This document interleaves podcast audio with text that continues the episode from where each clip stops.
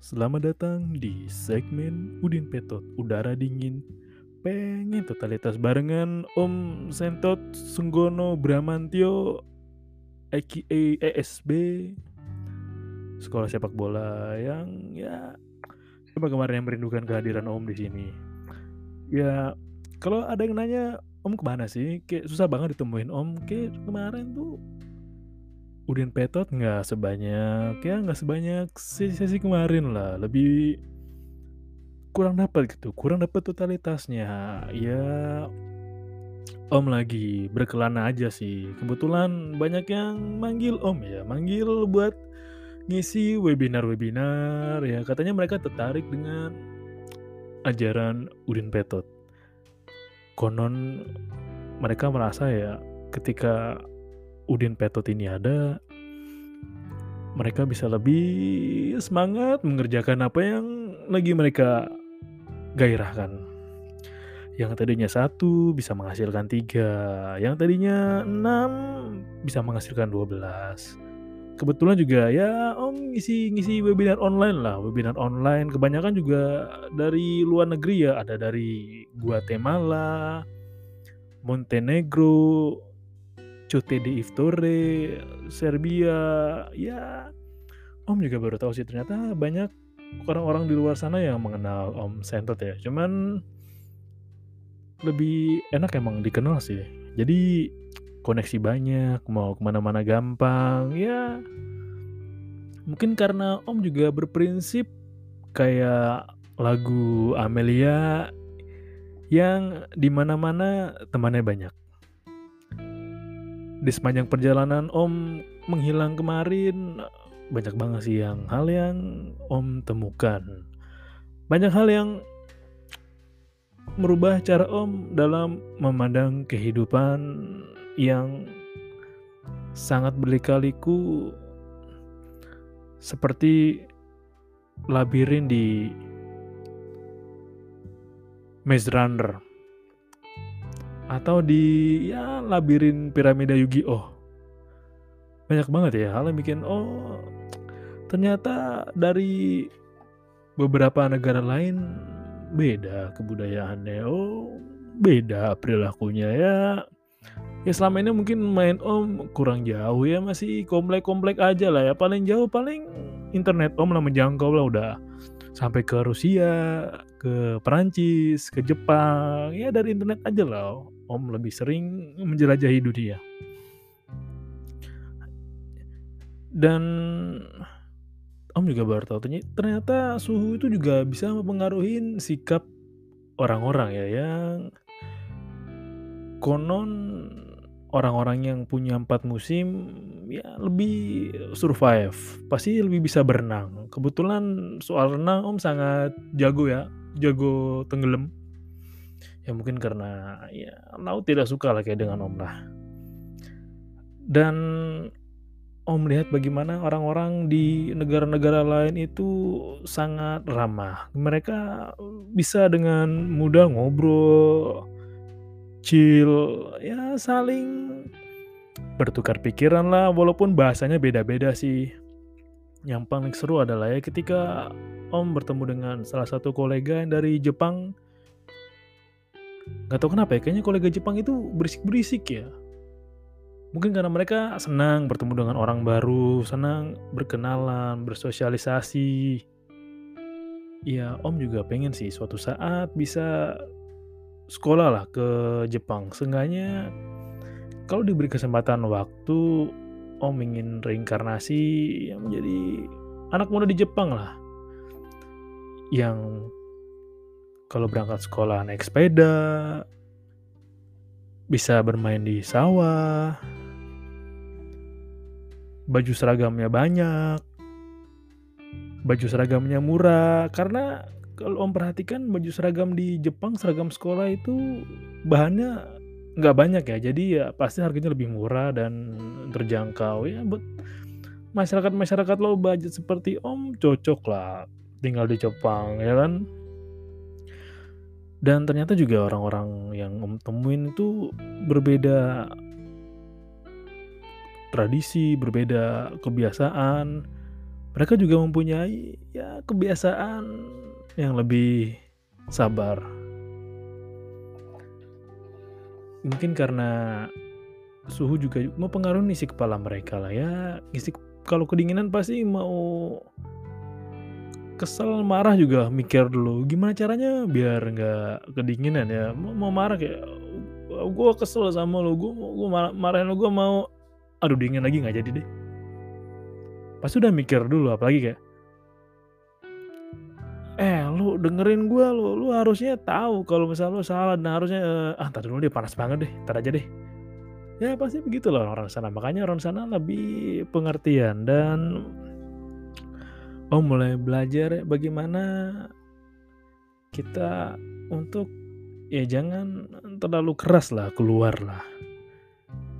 Karena terlalu keras pun bisa bikin sakit.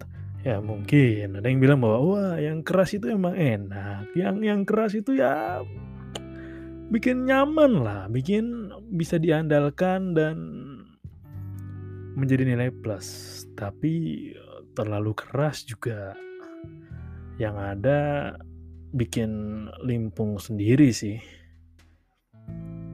Karena kalau bisa diberikan dengan kelembutan, terlalu keras juga nggak enak Iya pasti kita lebih milih membenturkan diri ke bantal kan daripada ke batu kali. Atau kita lebih ya kita pasti lebih milih memegang analog stick PS dibandingkan memegang analog batu enggak kan? Ya pasti kita milih yang lembut lah yang lebih, baik kita memegang analog stick PS daripada memegang telur. Karena lebih lembut gitu kan? Analog nggak keras lah analog nggak keras. Cuman muter-muternya aja kita bisa bikin keras tuh. Kalau keseringan muter analog keras analognya rusak tuh lama-lama. Dan dari perjalanan om yang bisa dibilang hanya sekejap om jadi mulai tahu sih mulai sadar ya bahwa kita mesti belajar untuk bisa menahan diri. Karena mungkin emang awalnya enak ya kalau kita lagi kesal, lagi marah, lagi gundah gulana dan kita mengungkapkan belak-belakan ke teman bicara, ke pasangan kita, bahkan ke gebetan yang lagi kita mau ya coba lobby-lobby lah, pasti mereka nggak nyaman ya karena kita terlalu memaksakan apa yang sebenarnya menurut kita nggak begitu penting buat dikeluarin. Apalagi ketika lagi emosi. Pasti emang awalnya yang lah pokoknya gue kesel banget. Gue harus ngungkapin kesalahan gue sama lo. Pokoknya lo harus dengerin unek-unek gue, marah gue. Dan akhirnya ya dia marah-marah, ya mungkin marah-marah ke temennya padahal temennya mungkin dia cerita gitu kan kayak dia lagi misalnya kesal dengan orang lain tapi dia cerita dengan nada tinggi ke temennya kayak ah gue kesel banget tadi sama orang itu di jalan masa gue lagi di enak-enak berkendara di jalan gue disalip dari kiri ngebut mana mepet lagi bahaya banget bla bla bla bla. Yang dengerin juga ya males lah karena ketika kita marah lebih banyak energi yang negatif yang keluar dan dipancarkan. Dan bagi penerimanya yang terima oh, energi negatif nih bisa cuan kagak bikin gak enak iya dan emang ketika kita terlalu keras gitu kan mengeluarkan apa yang kita rasakan mungkin emang bikin kita lebih plong lebih enteng, tapi bisa jadi malah itu membuat lawan bicara kita nggak nyaman atau bahkan malah bisa jadi lawan bicara kita kesinggung. Dan nggak mau lagi dengerin kita ngobrol dengan kita atau bahkan dekat dengan kita. Karena ketika kita mengeluarkan apa yang kita rasakan, mengeluarkan emosi kita terlalu menggebu-gebu, terlalu membludak-bludak, terlalu banyak kata-kata yang dikeluarkan maupun nada-nada tinggi yang seharusnya nggak penting. Ya, padahal ketika kalau kita mau nahan sebentar aja kayak mau memang menahan emosi bisa merusak diri, tapi kita bisa mengelolanya dengan ya ketika kita menyampaikan ini ke rekan kita apakah dia merasa nyaman? Apakah ini perlu diutarakan atau daripada dikeluarkan bagaimana kalau disalur disalurkan aja? Karena emang kalau lagi kesel, lagi jelek banget suasana hatinya paling enak memang ya dilampiasin lah. Jangan dikeluarin tapi dilampiasin. Kalau keluarin kan ada yang terbuang ada yang termanifestasikan ya ada yang terekstraksi. Jika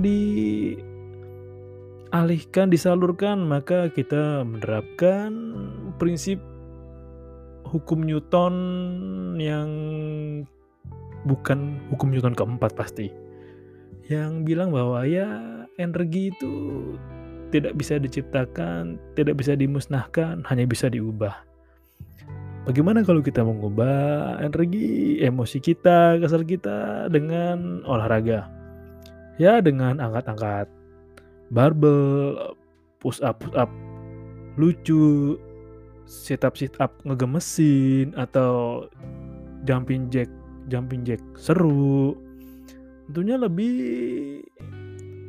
menjadi cara yang baik ketika kita ingin mengeluarkan emosi yang seharusnya nggak perlu kita keluarkan.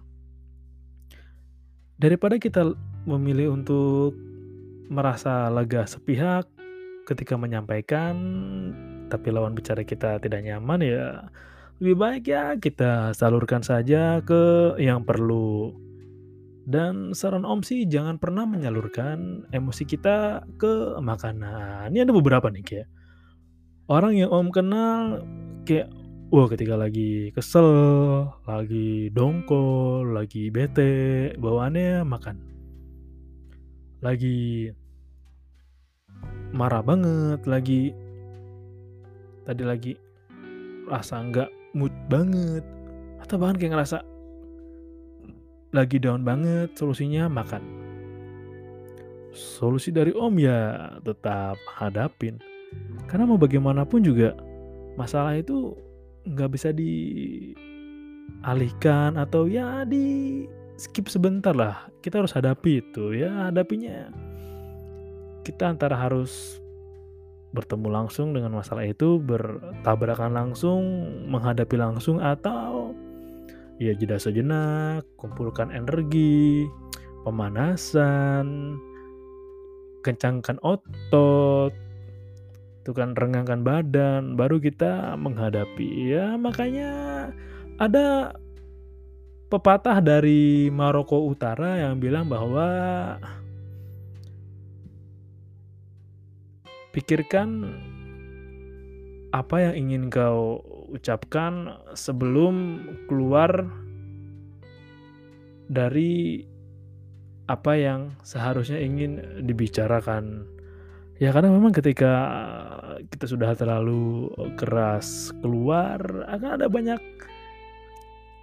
cerita-cerita, kata-kata yang sebenarnya nggak penting, nggak nggak harus diungkapin, nggak nggak harus dilampiasin, cuman karena terbawa emosi, terbawa suasana yang lagi mendukung untuk kita mengeluarkan beban keras yang ada di hati dan pikiran kita sehingga kita jadi lupa kontrol. Ujung-ujungnya adalah kembali lagi ya jadi korban adalah orang yang menjadi lawan bicara kita